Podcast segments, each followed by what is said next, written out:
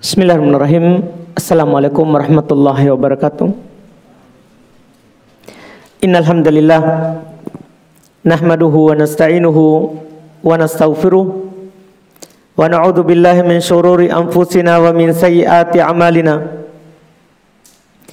May yahdihillahu fala mudilla lahu wa may yudlil fala hadiyalah.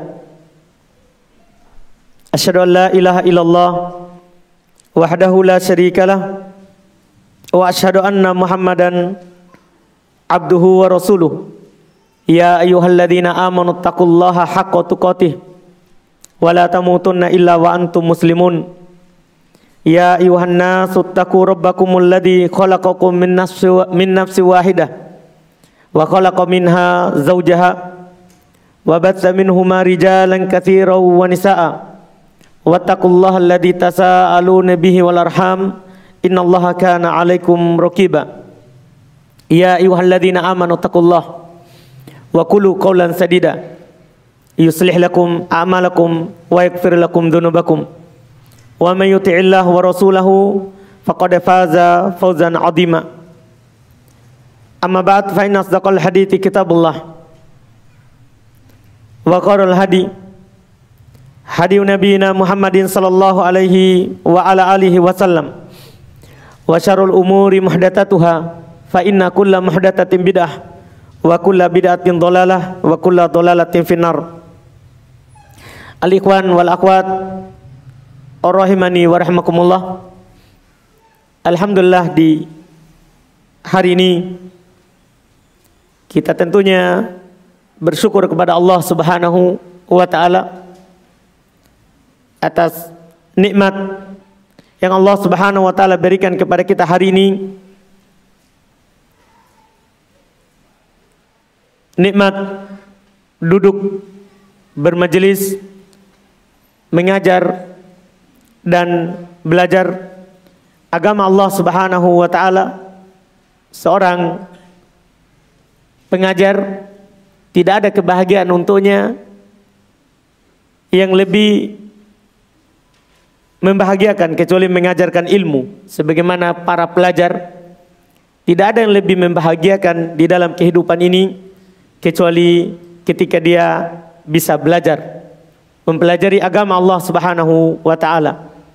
Itu yang disebutkan oleh Al-Imam Ibn Abdul Bar rahimahullahu taala di dalam kitab beliau Jami Al-Bayan. Iya terkait dengan keutamaan orang yang belajar dan orang yang mengajar. Maka ketika kita dibukakan oleh Allah Subhanahu wa taala jalan kebaikan, diberikan kesehatan dan kesempatan oleh Allah Subhanahu wa taala untuk belajar, maka ini adalah kebahagiaan kita yang paling tinggi. Karena dengan bermajelis belajar agama Allah Subhanahu wa taala kita akan ditinggikan oleh Allah Subhanahu wa taala dalam kehidupan dunia ini. Di dalam hadis yang diriwayatkan oleh Imam Muslim rahimahullah dari Umar bin Khattab radhiyallahu taala anhu kata Nabi sallallahu alaihi wasallam la yarfa'u bihadzal kitabi aqwaman wa yadh'u bihi akharin sungguh Allah Subhanahu wa taala mengangkat sekelompok orang dengan kitab ini yaitu Al-Qur'an mempelajarinya seorang akan terangkat derajatnya dan merendahkan yang lain. Demikian pula ini yang dikabarkan oleh Allah Subhanahu wa taala di dalam Al-Qur'an. Yarfa'illahu alladhina amanu minkum walladhina utul ilma darajat. Allah Subhanahu wa taala mengangkat orang-orang yang beriman di antara kalian dan orang-orang yang diberikan ilmu beberapa derajat. Dan juga Kenapa kita harus berbahagia dengan majelis ilmu seperti ini? Karena inilah yang akan memudahkan kita masuk ke surga. Hadis terkenal semua kita mungkin sudah sering mendengarnya. Yang Nabi SAW tegaskan dari hadis Abu Hurairah riwayat Imam Muslim rahimahullahu taala. Kata Nabi SAW, "Man salaka yaltamisu fihi ilman sahalallahu lahu bihi tariqan ilal jannah. siapa yang menempuh sebuah perjalanan yang mana perjalanan ini dia tempuh untuk belajar, maka Allah Subhanahu wa taala akan memudahkan untuknya jalan ke surga. Maka hal yang menyejukkan pandangan seorang muslim demikian demikian pula muslimah adalah ketika dia mendapatkan tempat untuk mengajar ataupun belajar ilmu agama Allah Subhanahu wa taala. Di hari ini kita alhamdulillah di tempat ini kita memulai pelajaran kitab fikih ringkas, fikih praktis dari fikih madhab syafi'i yang ditulis oleh salah seorang ulama yang dikenal akan keilmuannya secara khusus terkait dengan madhab Al-Imam Asy-Syafi'i rahimahullahu taala. Kitab yang akan kita pelajari adalah kitab Goyatul Ikhtisar. Itu di antara judulnya ada juga yang mengatakan judulnya adalah Goyatul Takrib, ada juga judulnya yang mengatakan seperti yang ada di pengumuman yang diberitakan yaitu disebut dengan Iya. Al-Goyah wa Takrib. Tapi kitab ini lebih dikenal dengan nama penulisnya. Tidak dengan judul aslinya. Lebih ma'ruf, masyhur dengan penyebutan Matan Abi Suja. Penulis buku ini beliau bernama Ahmad Ibnul Hasan Ibn Ahmad Al-Basri Beliau lahir di, di Basroh dan beliau besar juga di Basroh. Beliau berpindah darinya di akhir hidupnya setelah beliau pensiun dari masa jabatan beliau sebagai di sebagai kodi di pemerintahan beliau tinggal berpindah ke Madinah dan beliau wafat di sana. Pindah ke Madinah, beliau menjadi eh, tukang sapunya Masjid Nabawi dan yang menghamparkan karpet serta beliau yang bertugas untuk menyalakan lampu-lampu waktu itu di Masjid Nabawi di Madinah dan beliau wafat di tahun 593 Hijriah. 593 Hijriah. Nama beliau tadi sudah kita dengar Ahmad Ibn Al-Hasan Ibn Ahmad Al-Basri dikenal dengan Abu Suja itu kuniannya nama panggilannya beliau juga punya kunia yang lain tapi tidak terkenal yaitu Abu Toyib beliau punya nama panggilan yang lain selain Abu Suja yaitu Abu Toyib. Belum punya tulisan, tidak banyak. Hanya sedikit. Di antaranya ini yang kita akan pelajari. Yang dikenal dengan Matan Abu Suja atau Al-Goyatu wa Takrib fil Fikih Syafi'i. Atau juga diberi judul dengan Mukhtasar Al-Goyah. Juga diberi judul dengan kata Goyatu At-Takrib. Ada juga yang mengatakan Goyatu Al-Ikhtisar. Semua judul ini sebenarnya bukan dari judul yang diberikan oleh penulis. Cuman yang disebutkan oleh beliau di mukodimanya yang kita akan baca sebentar. Di pendahuluannya.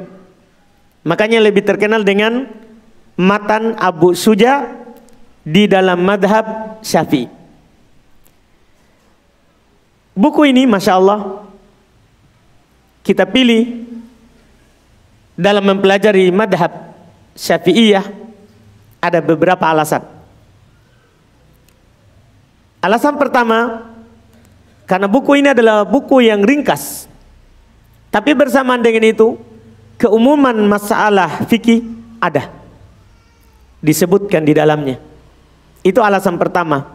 Alasan kedua, dan ini yang membuat kalau anak pribadi kenapa lebih condong dan senang membaca buku ini Anak memang buka di beberapa kajian buku ini karena penulisnya sebelum belum mengarang buku ini dan belum mengarangnya, belum telah mengajar fikih Syafi'i lebih dari 40 tahun. Belum mengajar dalam fikih madhab Syafi'i lebih dari 40 tahun di Basra. Di Basra. Tentunya dengan mengajar yang panjang seperti itu, yang lama waktunya, banyak dari fikih Syafi'i yang belum telah teliti dan belum telah kuasai. Ini dari penulis rahmatullah. Jadi ini termasuk tulisannya. Dan belum punya tulisan yang kedua yaitu syarah. Juga belum menjelaskan madhab syafi'i yaitu belum mensyarah kitab Al-Iqna. Punyanya Al-Mawardi rahmallahu taala. Dua buku itu saja yang terkenal dari penulis rahimahullahu taala. Dan yang kedua yang kami sebutkan terakhir tentunya kalau dibandingkan dengan matan Abi Suja ya matan Abi Suja lebih terkenal lebih masyhur karena ini adalah buku dasar dan memang belum tulis karena ada yang memintanya belum tulis karena ada yang memintanya sebagaimana akan kita sebutkan nanti ketika belum menjelaskannya di pendahuluan buku. Di pendahuluan buku. Buku ini matan fikih yang kosong dari dalil. Karena para ulama fikih mengarang buku fikih dua bentuk, dua cara. Yang pertama dengan cara menyebutkan hadis tanpa ada penjelasan, tapi dalam hadis itu ada fikihnya. Yang kedua, seperti buku ini, menyebutkan langsung faedahnya tanpa disebutkan dalilnya. Cuman apa yang dia ucapkan itu ada dalilnya. Apa yang diucapkan itu ada dalilnya di dalam madhab. Nah, matan ini matan Abi Suja adalah bentuk karangan dalam fikih jenis kedua. Menyebutkan masalah dan tidak ada disebutkan dalilnya kecuali sedikit kadang disebutkan. Tapi dari apa yang disebutkan itu ada dalilnya. Makanya nanti di dalam menjelaskan buku ini kita akan selalu menyebutkan apa dalil dari penulis. Ketika belum menyebutkan sebuah masalah. Apakah dalilnya sahih atau tidak? Kalau Bukhari Muslim tentunya tidak perlu kita keterangan, kasih keterangan sohinya. Kalau di luar daripada Bukhari Muslim baru kita akan jelaskan. Ini hadis riwayat ini imam ini kemudian dia sohi atau kemudian dia doif. Karena tidak semua masalah yang belum sebutkan itu berdiri di atas dalil yang sohi. Kadang doif, kadang doif. Dan kita insya Allah Taala tentunya berjalan sesuai dengan dalil kalau sohi dalilnya kita tentunya ambil dan kalau tidak sohi tentunya kita tidak ambil. Kita memilih pendapat yang lain yang ada dalilnya. Yang ada dalilnya. Ini terkait dengan buku ini secara singkat kita langsung masuk di pendahuluan penulis rahmahullahu taala. Kata beliau rahmahullah yaitu Abu Suja Ahmad Ibn Al-Hasan Al-Basri Bismillahirrahmanirrahim. Seperti biasa, kebiasaan para penulis. Mereka mendahului tulisannya dengan basmalah. Ada beberapa alasan. Pertama, mencontoh Al-Quran. Seluruh surat di dalam Al-Quran, 114 surat, kecuali satu surat saja itu semuanya diawali oleh basmalah. Yang tidak diawali oleh basmalah adalah hanya surat Al-Baro'ah atau yang dikenal dengan surat At-Taubah. Karena dia adalah bagian dari surat sebelumnya itu surat Al-Anfal, masih lanjutannya. Sementara basmalah adalah pemisah untuk setiap surat. Jadi ada 113 surat di dalam Al-Qur'an. Semuanya dimulai dengan basmalah. Maka memulai tulisan dengan basmalah ini mencontoh Al-Quran. Itu alasan pertama. Alasan yang kedua karena mencontoh Nabi kita Muhammad SAW. Belum menulis surat ke beberapa penguasa waktu beliau hidup itu selalu memulai dengan Bismillahirrahmanirrahim. Contohnya misalnya apa yang disebutkan oleh Imam Al-Bukhari di dalam kitab beliau. Belum menyebutkan kisah Rasulullah SAW menulis surat ke Raja Herakl. Maka beliau menulis belum menulis dan mengawali suratnya Bismillahirrahmanirrahim min Muhammad bin Abdullah. Dengan Bismillahirrahmanirrahim. Jadi memulai tulisan dengan Bismillahirrahmanirrahim ini adalah iktidaan bin Nabi karena mencontoh Nabi Muhammad SAW. Yang kedua mencontoh para salaf. Para salaf ketika menulis surat dari Abu Bakar tulisan beliau yang terkenal ya demikian pula para sahabat setelahnya itu mereka kalau menulis surat mengawali tulisannya dengan basmalah. Ini alasan ketiga. Alasan yang keempat, belum mencontoh para penulis sebelumnya. Para penulis itu rata-rata memulai tulisannya dengan Bismillahirrahmanirrahim. Walaupun ada yang memulai dengan hamdalah, langsung ucapan memuji Allah Subhanahu wa taala. Apakah innal hamdalillah atau alhamdulillah. Tapi keumuman para penulis itu memulai tulisannya dengan basmalah. Jadi dengan ini belum mencontoh para penulis sebelumnya. Adapun makna basmalah terkenal bagi kita tentunya sangat sering dijelaskan oleh para ustadz kita karena ini sering berulang di dalam ya kajian dan pembahasan kitab. Secara singkat, baknya itu ba'al isti'anah B-nya itu menunjukkan makna permintaan pertolongan. Bismi, ismi, nama. Allah maknanya al-ma'luh, al-ma'bud, yang diibadahi, yang hak. Jadi dengan nama Allah yang diibadahi oleh penduduk langit dan penduduk bumi. Ar-Rahman, Ar-Rahim, ini dua nama Allah. Yang Maha Rahman, yang memiliki rahmat yang luas. Rahim yang memiliki rahmat khusus yang sampai kepada hamba-hambanya yang khusus. Kalau Rahman itu rahmat umum. Allah memiliki rahmat yang luas yang dengan rahmat Allah semua makhluk yang ada di dunia ini berkasih sayang.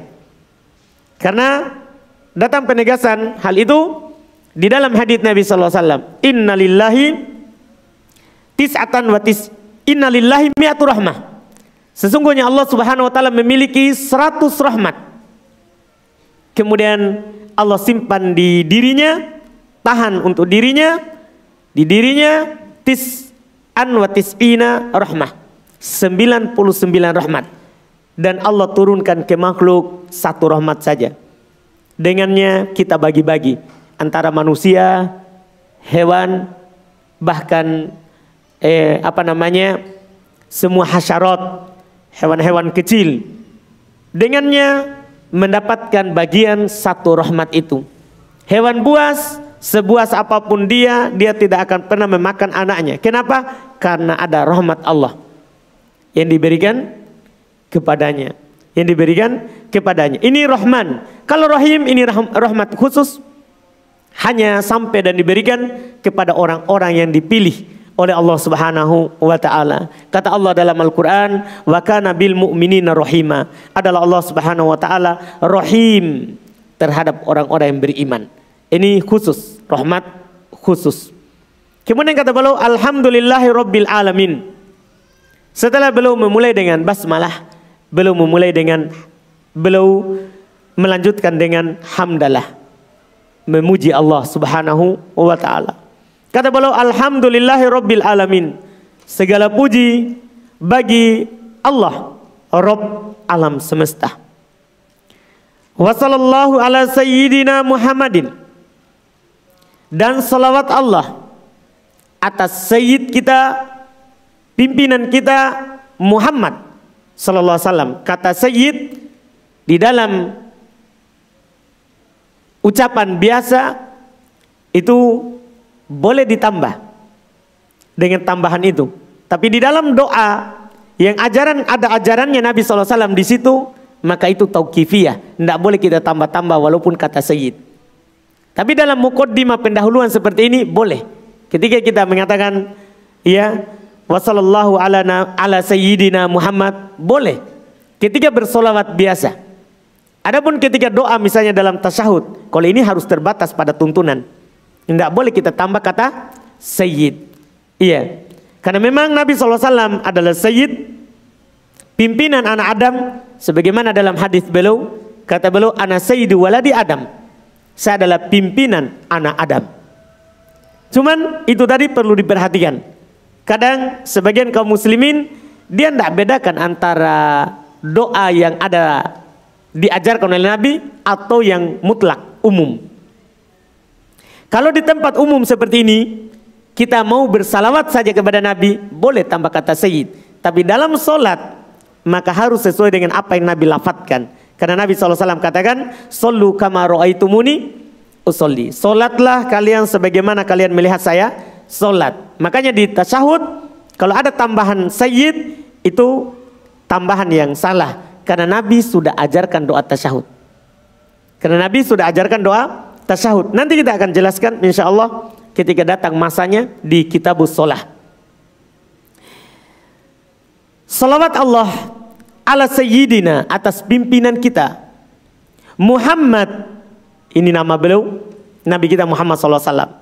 Wa khotami khotamin nabiyyin penutup para nabi. Ini juga ada dalilnya. Nabi SAW katakan hal yang seperti itu Bahkan beliau tegaskan, la nabi abadi. Setelah beliau menjelaskan, saya adalah penutup para nabi dan tidak ada nabi lagi setelahku. Tidak ada lagi nabi setelahku. Wa ala alihi dan salawat Allah atas keluarga beliau. Wa ashabihi dan para sahabatnya. Ada faedah di sini yang perlu antum ketahui. Kalau hanya disebutkan al tanpa ashab, tidak digandengkan setelahnya kata ashab. Maka diinginkan dengan al adalah keluarga. Kemudian ashab sahabatnya. Tapi kalau hanya disebutkan al wa ala alihi tidak ada ashabnya. Maka itu maksudnya yang diinginkan adalah keluarganya dan para sahabatnya. Keluarganya dan para sahabatnya. Ini faedah yang disebutkan oleh para ulama. Di sini belum kumpulkan.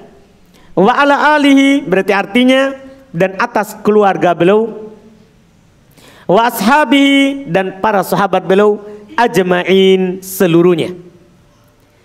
Kemudian belum menjelaskan sebab belum menulis kitab ini. Kata beliau, "Sa'alani ba'du asdiqai." Sebagian kawan-kawanku meminta kepadaku an a'mala mukhtasaron fil fikhi untuk membuatkan ringkasan dalam fikih ala madhab syafi'i atas madhab Imam Syafi'i. Ini beliau akan menyebutkan kenapa beliau tulis kitab ini. Sebagian teman beliau, teman di sini yang diinginkan adalah bisa murid karena murid dari guru itu juga dianggap sodik bagi guru. Bagi gurunya. Bisa juga dianggap dengan teman dekatnya. Yang bukan muridnya tapi sahabat beliau. Yang dekat dengannya. Sebagian sahabatku meminta kepadaku untuk membuatkan ringkasan dalam madhab syafi'i. Ya antum mungkin sudah tahu alasannya. Kenapa orang meminta untuk menuliskan mad muktasor ringkasan dalam madhab fikih? Syafi'i. Ya antum sudah tahu sebabnya. Karena belum mengajar fikih syafi'i lebih dari 40 tahun. Sehingga ada kepercayaan dari orang-orang dekat beliau muridnya ataupun teman-temannya. Ini orang ahli dalam madhab syafi'i. Makanya Beliau diminta untuk menuliskan ringkasan dalam madhab syafi'i. Sebagaimana ini para ulama lain, di madhab lain juga seperti itu. Misalnya Al-Imam Abdul Ghani Al-Maqdisi belum menulis kitab eh, Umdatul Ahkam min kalami khairil anam kitab hadith khusus pokok-pokok hukum fikih yang diambil dari hadith khusus Bukhari Muslim.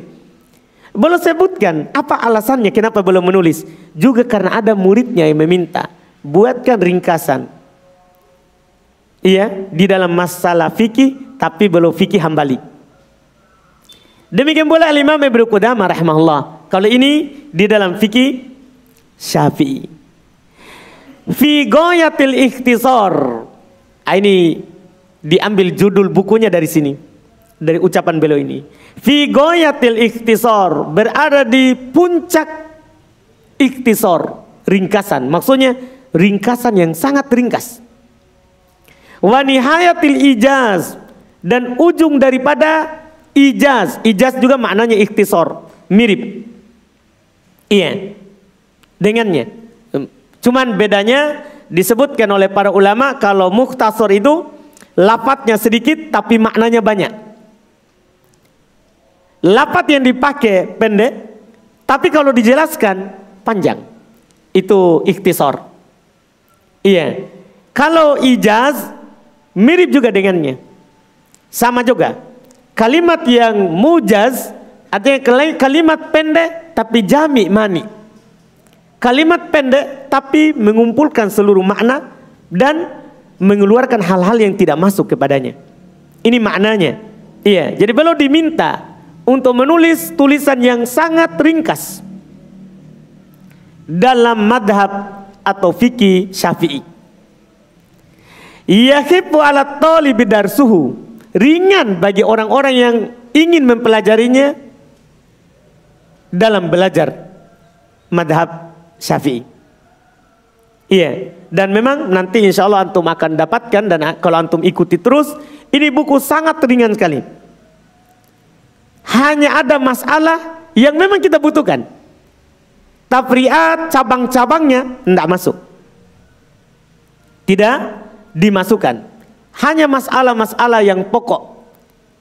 Yang memang hal itu merupakan zat eh, apa namanya zat bekal untuk kita. Tentunya dalam masalah fikih. Apakah fikih ibadah atau fikih muamalat? Karena di buku ini dibahas dua masalah secara umum. Fikih ibadah, fikih muamalat.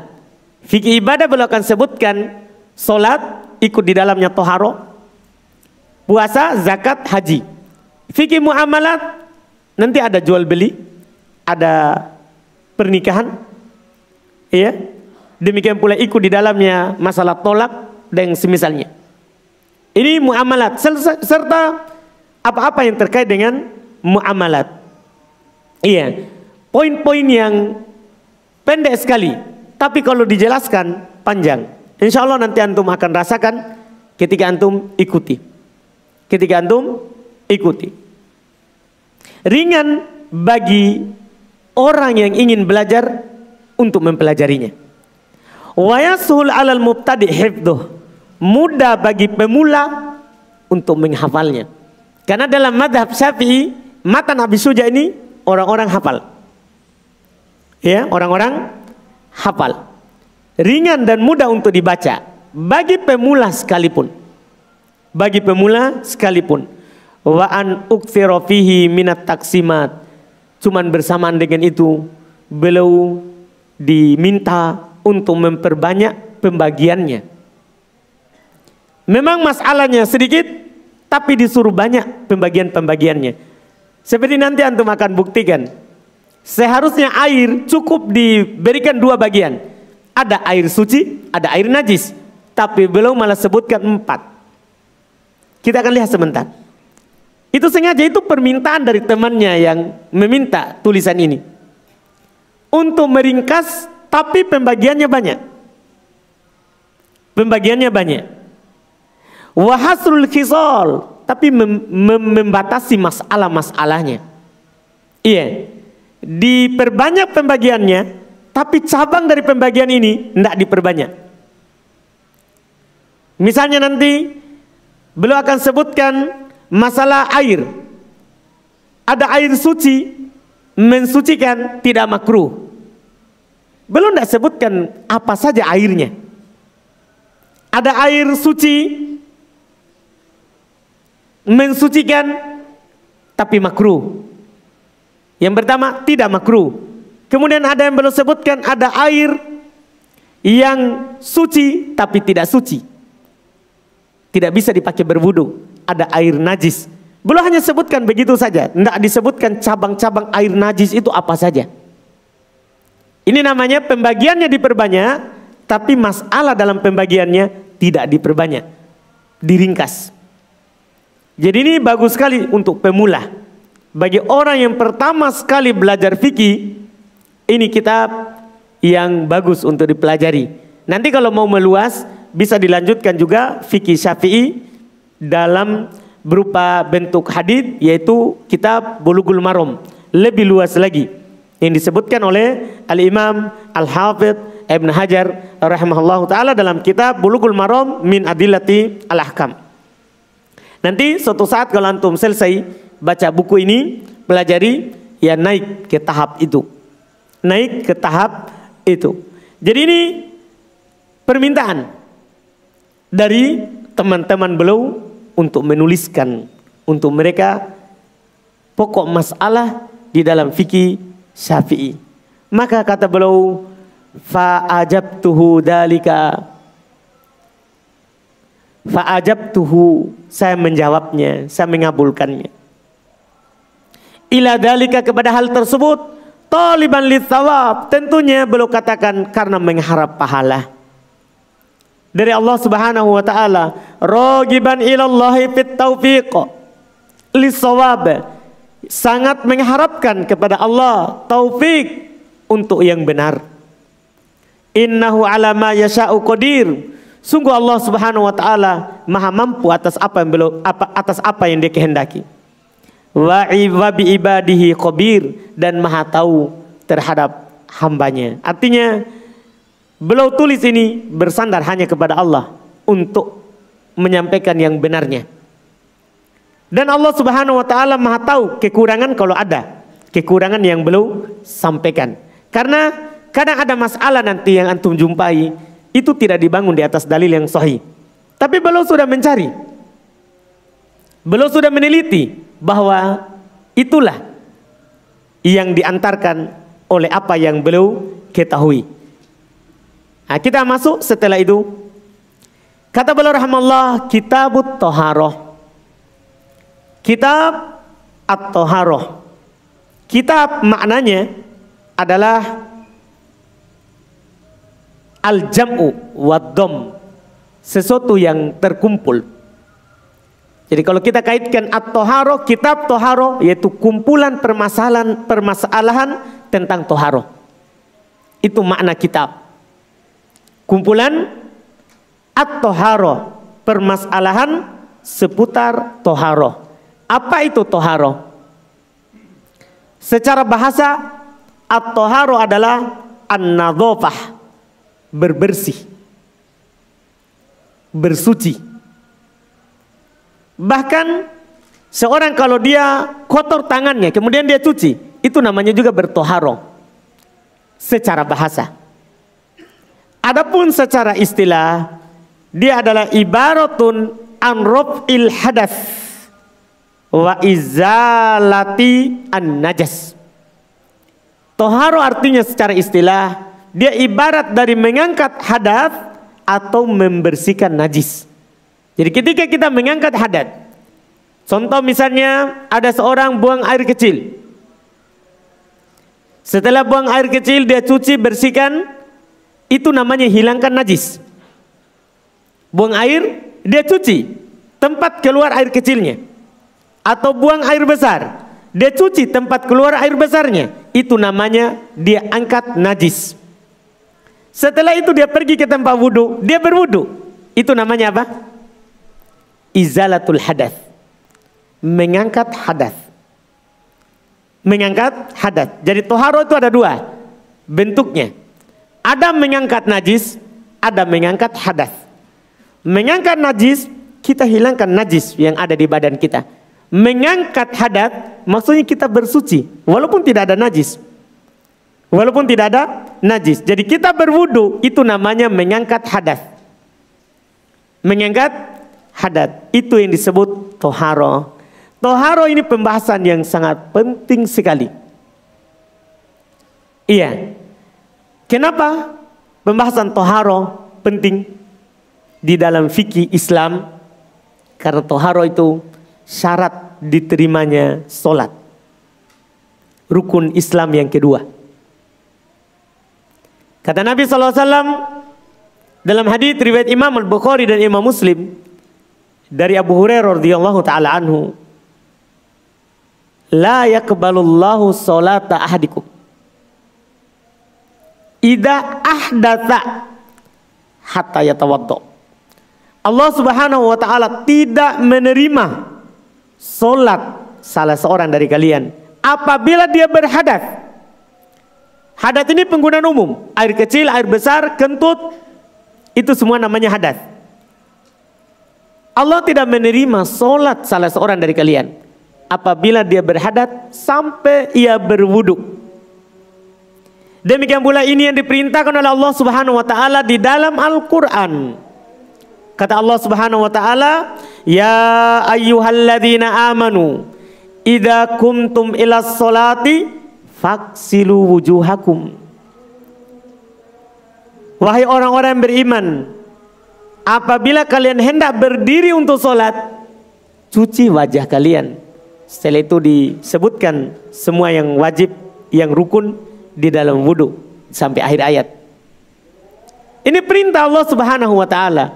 Makanya pembahasan at-toharo pembahasan yang sangat penting di dalam fikih Islam Nah, namanya toharo itu dengan air itu asalnya. Tidak ada air baru boleh dengan yang lain. Maka sebelum masuk dalam pembahasan wudhu, belum bahas dulu alat untuk berwudhu. Air. Kata beliau rahmallah, al-miyahu allati yajuzu bihat tathiru sab'u miyah. Masya Allah.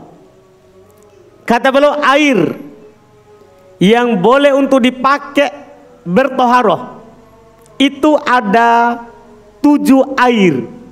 Ini antum ingat, penting sekali terkait dengan wudhu. Ketika antum berwudhu, air apa saja yang boleh antum pakai untuk berwudhu? Beliau katakan ada tujuh air. Semua tujuh air ini ada dalilnya. Kenapa bisa dipakai berwudhu? Kata beliau rahmallah, ma'us sama satu air yang turun dari langit. Dalilnya adalah firman Allah Subhanahu wa taala di surat Al-Anfal ayat 11. Kan tadi kita udah janjikan kalau ada masalah yang belum sebutkan kan ada dalilnya. Kita akan sebutkan dalilnya. Dalilnya adalah air hujan bisa dipakai untuk berwudu. Air dari langit. Firman Allah Subhanahu wa taala dalam surat Al-Anfal ayat 11. Kata Allah Subhanahu wa taala, "Wa nunazzil wa yunazzil 'alaikum minas sama'i ma'an liyutahhirakum bih." Allah Subhanahu wa taala menurunkan untuk kalian air dari langit untuk kalian pakai bertoharoh dengannya. Untuk kalian pakai bertoharoh dengannya. Ini air pertama. Kedua, wamaun nahar. Yang kedua, air nahar. Kalau kita lihat di kamus bahasa Indo, air nahar itu ada air sungai. Tapi tidak, itu bahasa di bahasa Indonesia. Tapi makna ma'un nahar yaitu al-ma'ul kathir, air yang banyak. Asin ataupun tawar asin ataupun tawar. Kapan ada air yang banyak, itu namanya air nahar. apakah rasanya asin ataupun rasanya apa? Tawar. Masuk di dalamnya air laut dan air sungai. Apa dalilnya? Kalau ini boleh kita pakai berwudu? Dalilnya adalah hadis dari Nabi kita Muhammad sallallahu alaihi wasallam. Diriwayatkan oleh Imam Al-Bukhari dan selainnya. Datang dalam riwayat Ibn Hibban At-Tirmidzi juga. Nabi SAW ditanya tentang air laut. Tentang air laut. Kata Nabi SAW huwat tahuru ma'uhu maitatuhu. Dia adalah air yang suci airnya dan halal bangkainya Poin kita potongan pertama suci airnya. Iya, itu dalilnya. Yang ketiga, yang eh, mau sama maul bihar wa maun nahar sama. Itu dua-duanya masuk tadi. Air laut dan air sungai. Bihar juga definisinya disebut oleh para ulama sama. Maul kathir, air yang banyak, cuman dia asin. Kalau nahar yang tawarnya air yang banyak. Semuanya ini kalau digandengkan berbeda, kalau disendirikan sama. Kalau disendirikan sama. Ini air yang ketiga.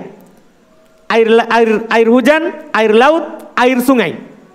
Yang berikutnya wamaul bir air sumur.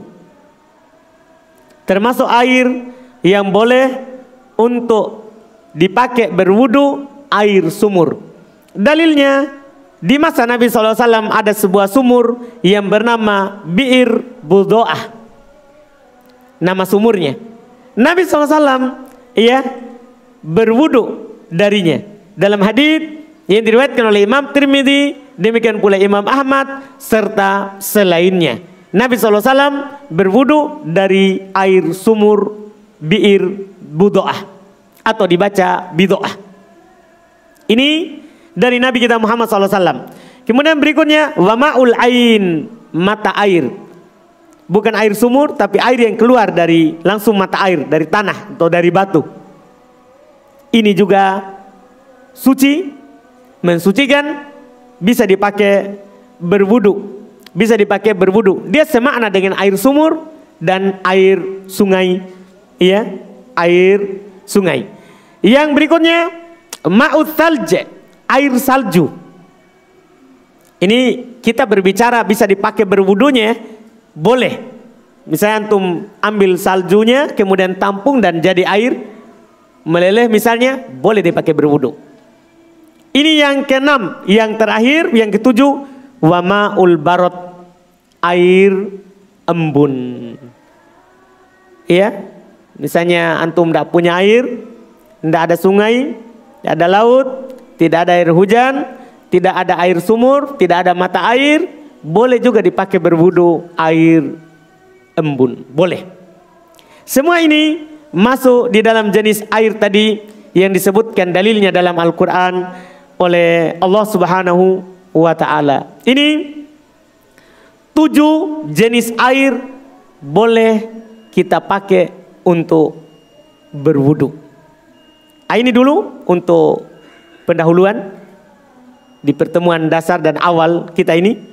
Di pertemuan berikutnya baru kita lanjutkan masih jenis air. Kalau ada pertanyaan boleh ditanyakan sebelum adan dan nanti kita lanjutkan lagi setelah adan. Boleh langsung bertanya enggak apa-apa. Kalau enggak ada kertas dipakai untuk tulis silakan boleh bertanya langsung.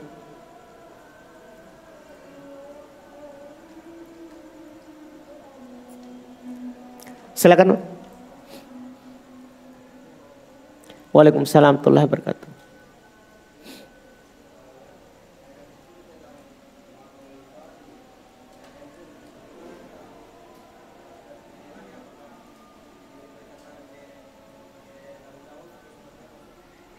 Baik.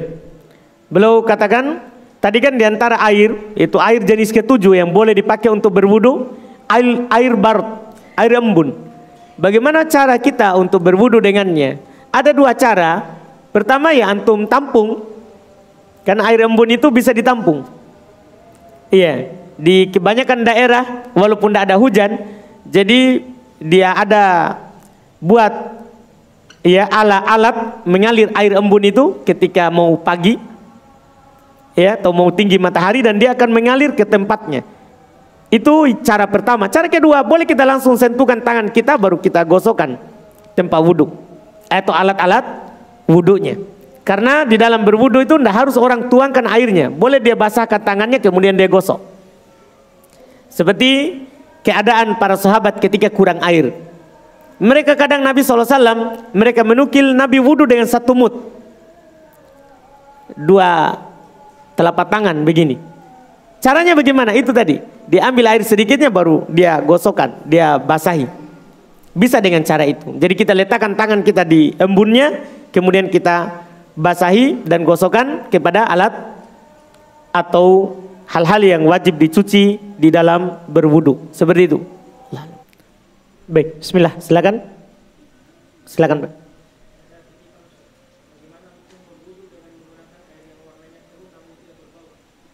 Bagaimana hukum berwudu dengan air yang warnanya keruh namun tidak berbau?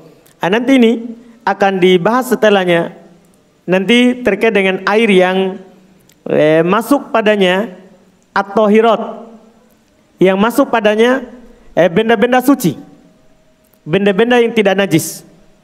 Yang tidak merubah warna rasa ataupun bau. Ah kalau penanya maksudnya adalah airnya keruh tapi tidak ada hal lain yang masuk melainkan memang dia keruh karena keluar dari tanah Iya, maka ini tidak ada masalah. Masuk dalam jenis air yang suci dan mensucikan. Kalau keruh di atas asal penciptaannya, itu bahasa paling telitinya. Kalau dia keruh karena memang asal penciptaannya, atau karena bau, memang asal penciptaannya, maka itu suci dan mensucikan. Atau nanti ada pembahasan lagi, dia berbau, dia berbau karena bertetangga dengan bangkai. Bangkainya tidak di dalam air, tapi ada di luar air. Sehingga dia terpengaruh baunya. Ini suci dan mensucikan. Ada akan datang nanti di pertemuan yang akan datang ya, air yang bercampur dengan sesuatu. Apakah dia suci mensucikan atau tidak? Ini insya Allah nanti. Cuman untuk tahap awal kami jawab yang ditanyakan kalau itu adalah asal penciptaannya memang air di daerah itu keruh, sumurnya keluar selalu keruh. Atau sumurnya memang keluar selalu ada baunya.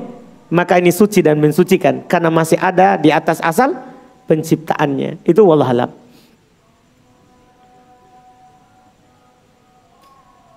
Silakan. Baik.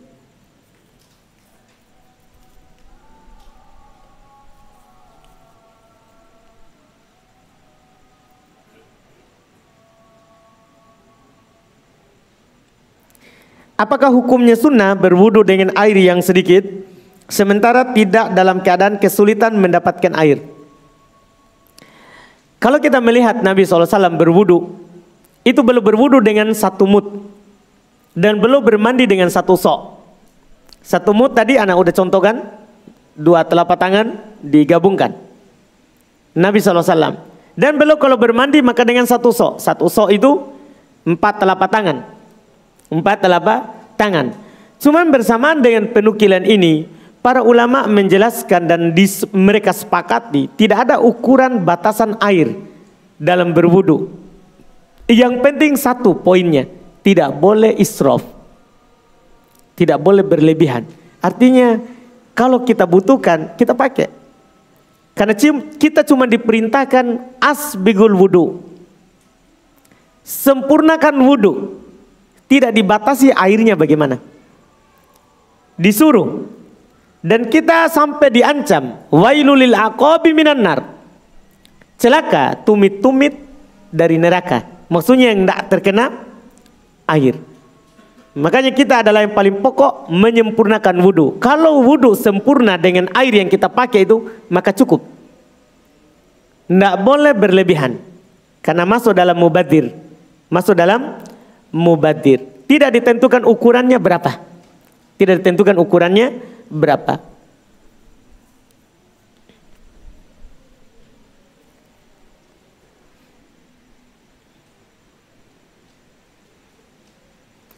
Ini ada pertanyaan, saya pernah melihat seorang berwudu dengan menggunakan air mineral yang dijual di minimarket. Apakah ini sah?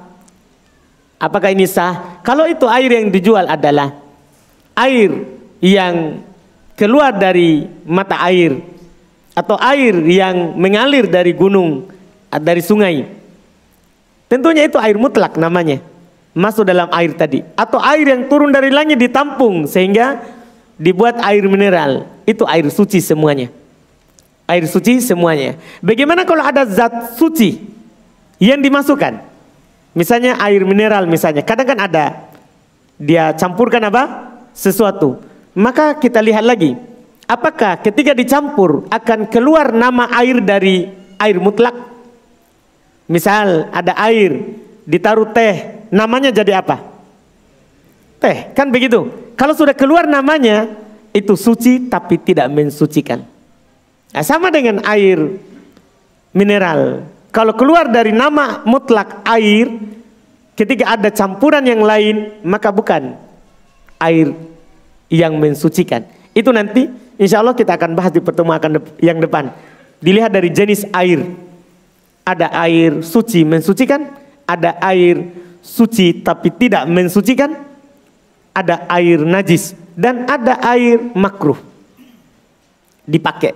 Ini nanti insya Allah di pertemuan akan datang.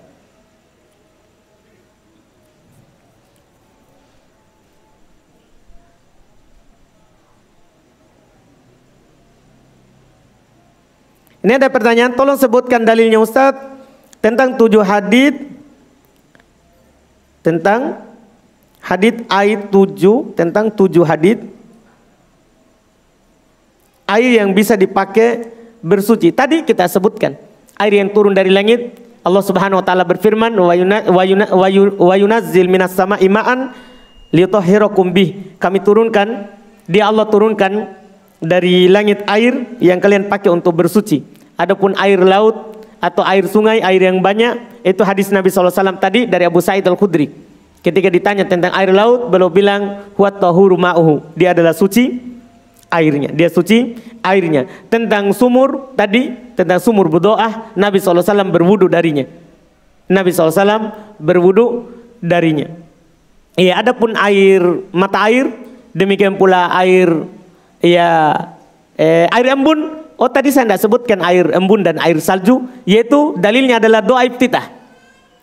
Hadis yang ada di yang kita baca di doa iftitah.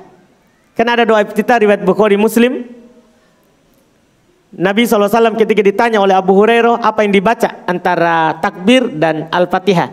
Belum jelaskan, belum membaca Allahumma ba'id baini wa bainu khotoyai kama ba'atta bainal masyriq wal maghribi. Allahumma ksili min khotoyai eh, Allahumma nakir min khotoyai kama yunaqqat thawbul abyadu minad danas. Lafaz terakhir, Allahumma ksilni min khotoyai bil ma'i wa salji wal bard.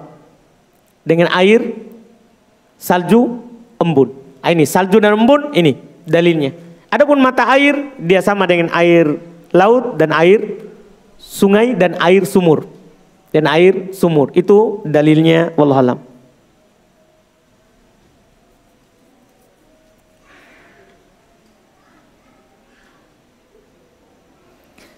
Ini pertanyaan berikutnya mau bertanya tata cara membayar fidyah sesuai sunnah. Misalnya tidak berpuasa satu bulan full karena sakit keras. Berapa banyak dia membayar atau memberi makan? Orang yang tidak berpuasa karena sakit itu tidak bayar fidyah. Orang yang tidak berpuasa di bulan Ramadan karena sakit itu tidak bayar fidyah. Yang wajib baginya berpuasa. Kecuali tidak diharapkan lagi sembuhnya, itu baru. Kalau dia sakit, kemudian sembuh. Di bulan Ramadan, sembuh setelahnya. Maka yang wajib baginya adalah berpuasa kodok.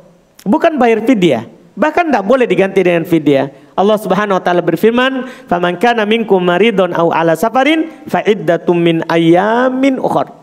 Siapa di antara kalian yang sakit atau safar, maka dia wajib membayar di hari yang lain. Itu disepakati oleh para ulama dalil Quran dan hadis banyak sekali. Iya. Nah, kecuali dalam satu keadaan kita sakit tidak diharapkan kesembuhannya. Nah, ini dikiaskan kepada orang tua yang tidak mampu lagi berpuasa, maka ini baru bayar fidya, baru bayar fidya. Adapun sakit diharapkan kesembuhannya tidak, itu utang harus dibayar dengan puasa.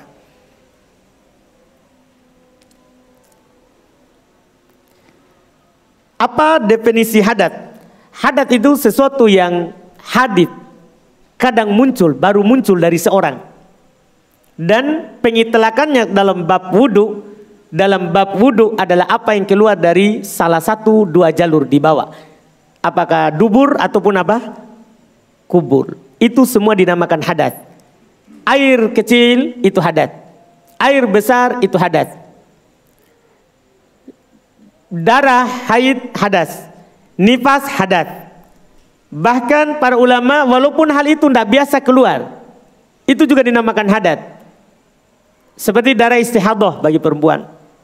Kerikil, misalnya keluar di kemaluan seorang, ya apa istilahnya orang batu kencing, ya batu ginjal keluar di situ tiba-tiba keluar, itu dinamakan hadat semuanya. Atau dut, eh, cacing keluar dari di belakang itu juga dinamakan hadat. Demikian pula durot, eh, kentut. Apakah berbunyi ataupun tidak berbunyi itu juga dinamakan apa? Hadat. Demikian pula madi, wadi, mani. Semua ini disebut apa? Hadat. Cuman hadas itu terbagi dua. Ada hadas besar, ada hadas kecil. Apa ciri-ciri hadas besar? Yang mewajibkan mandi. Apa ciri-ciri hadas kecil? Yang tidak mewajibkan mandi yang tidak mewajibkan mandi. Jadi hadat itu sesuatu yang muncul dari seorang yang tidak terus menerus. Ya, yang tidak terus menerus. Itu wallahu alam secara singkat.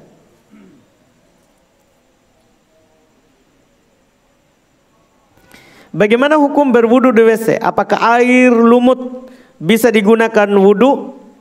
Ya, untuk air lumut kalau itu lumutnya bukan karena disebut disimpan dan didatangkan oleh manusia, tidak ada, ada masalah. Tidak ada masalah. Yang masalah nanti itu kalau kita yang mencampurkannya. Nah, itu dilihat keluar dari nama air atau tidak. Itu nanti pembahasannya. Adapun karena ada lumut tetap bisa dipakai untuk berwudu. Untuk pertanyaan yang pertama, hukum berwudu di dalam WC boleh Hal tersebut difatwakan oleh para ulama kita seperti Syekh Ibnu Utsaimin dan selainnya dari Masyekh boleh. Tentunya dengan cara ya kita baca bismillahnya di luar sebelum masuk WC. Cuma bagaimana kalau lupa? Kita tidak baca bismillah ketika masuk WC, kita bacanya Allahumma inni a'udzubika minal khubuthi wal khaba'ith. Tidak bismillah. Apakah boleh baca bismillah dalam WC? Ah, ini dibicarakan oleh para ulama rahimahumullah. Kata Syekh bin Utsaimin, boleh di dalam hati. Boleh di dalam hati. Kalau diucapkan tidak boleh karena di WC tidak dipakai untuk hal-hal yang mengagungkan atau ada kalimat dikrullah padanya.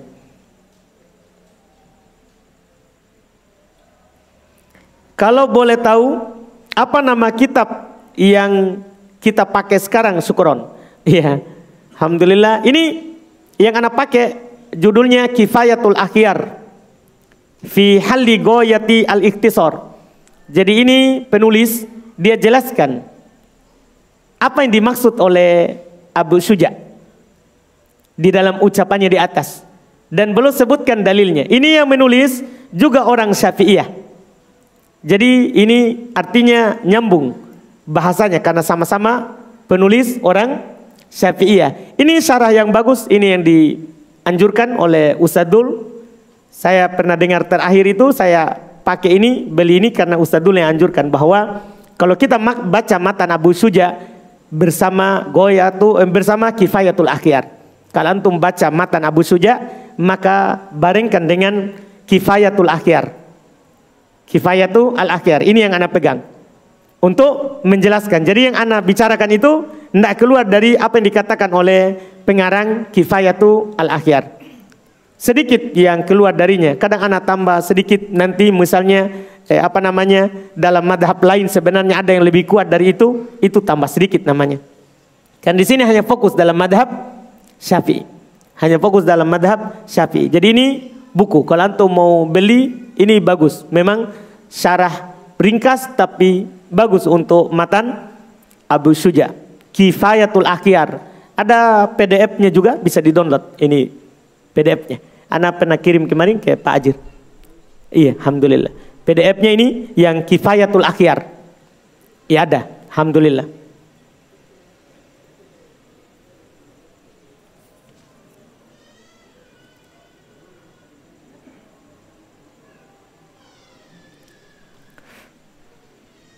Ini ada pertanyaan terkait had, terkait hadat tentang membersihkan pakaian eh, tentang membersihkan pakai tisu atau daun. Maksudnya beristijmar namanya. Iya, di dalam syariat kita ketika tidak ada air bahkan sebagian para ulama mengatakan walaupun ada air boleh kita beristijmar. Istijmar itu kita bersihkan hadas kita tempat keluarnya dengan selain air. Dengan selain air yang disebutkan di dalam hadis batu. Disebutkan dalam hadis batu. Tapi para ulama menjelaskan boleh dengan selain batu dari benda-benda yang bisa membersihkan. Seperti daun atau tisu untuk masa kita sekarang ini boleh dan hal itu dianggap juga hal yang boleh dipakai. Cuman di dalam beristijmar beda dengan air, ada ketentuannya. Kalau kita beristijmar itu disunahkan untuk ganjil dan paling sedikit tiga, tidak boleh kurang. Tidak boleh kurang. Kata Nabi SAW, wa manistajmaru fal yutir. Siapa yang beristijmar, hendaklah dia ganjilkan. Kemudian Nabi SAW dalam hadis lain belum melarang untuk beristijmar kurang dari tiga batu. Jadi ketika antum beristijmar tidak boleh kurang dari tiga. Ya tiga paling sedikit, kemudian lima, tujuh, sembilan, sebelas, ganjil. Ganjil. Atau boleh satu di antara hal yang Masya Allah faedah yang pernah anda dapatkan dari penjelasan para ulama. Boleh satu batu tapi punya tiga sisi. Jadi antum pakai satu sisi cek gitu baru balik lagi sisi yang lain. Boleh. Iya, kalau punya tiga sisi.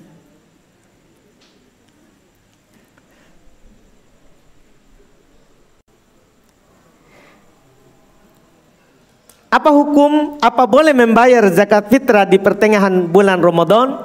Dalam madhab eh, Hanafiyah boleh katanya. Bahkan mereka bilang lebih kejam lagi, boleh di awal tahun. Boleh di awal tahun. Cuman disebutkan oleh para ulama zakat fitrah itu bisa babi al fitrah. Sebabnya adalah karena kita selesai dari bulan Ramadan.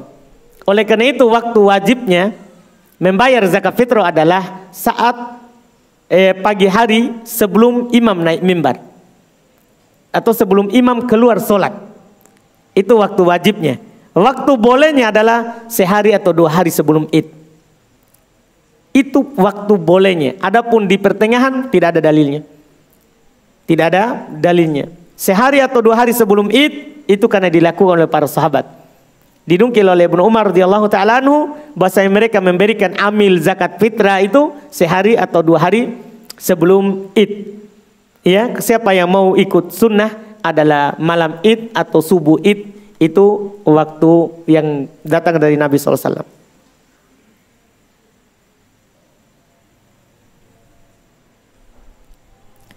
Bagaimana cara melatih diri agar selalu merasa dalam pengawasan Allah? Sebenarnya cara yang paling pokok adalah antum belajar asma'ul al-husna. Antum belajar asma'ul husna, nama-nama Allah. Karena di dalam nama Allah itu ada yang antum ketika antum pahami dengan baik maka antum akan selalu merasa diawasi. Misalnya antum belajar nanti As-Sami. Ada nama Allah As-Sami yang maha mendengar.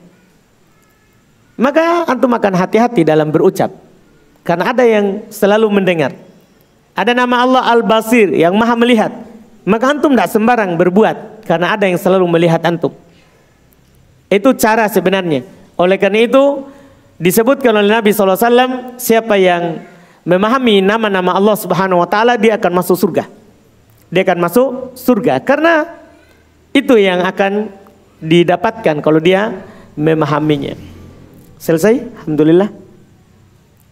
Kita cukupkan. Alhamdulillah ini awal. Mudah-mudahan kita terus bersemangat untuk ke depannya.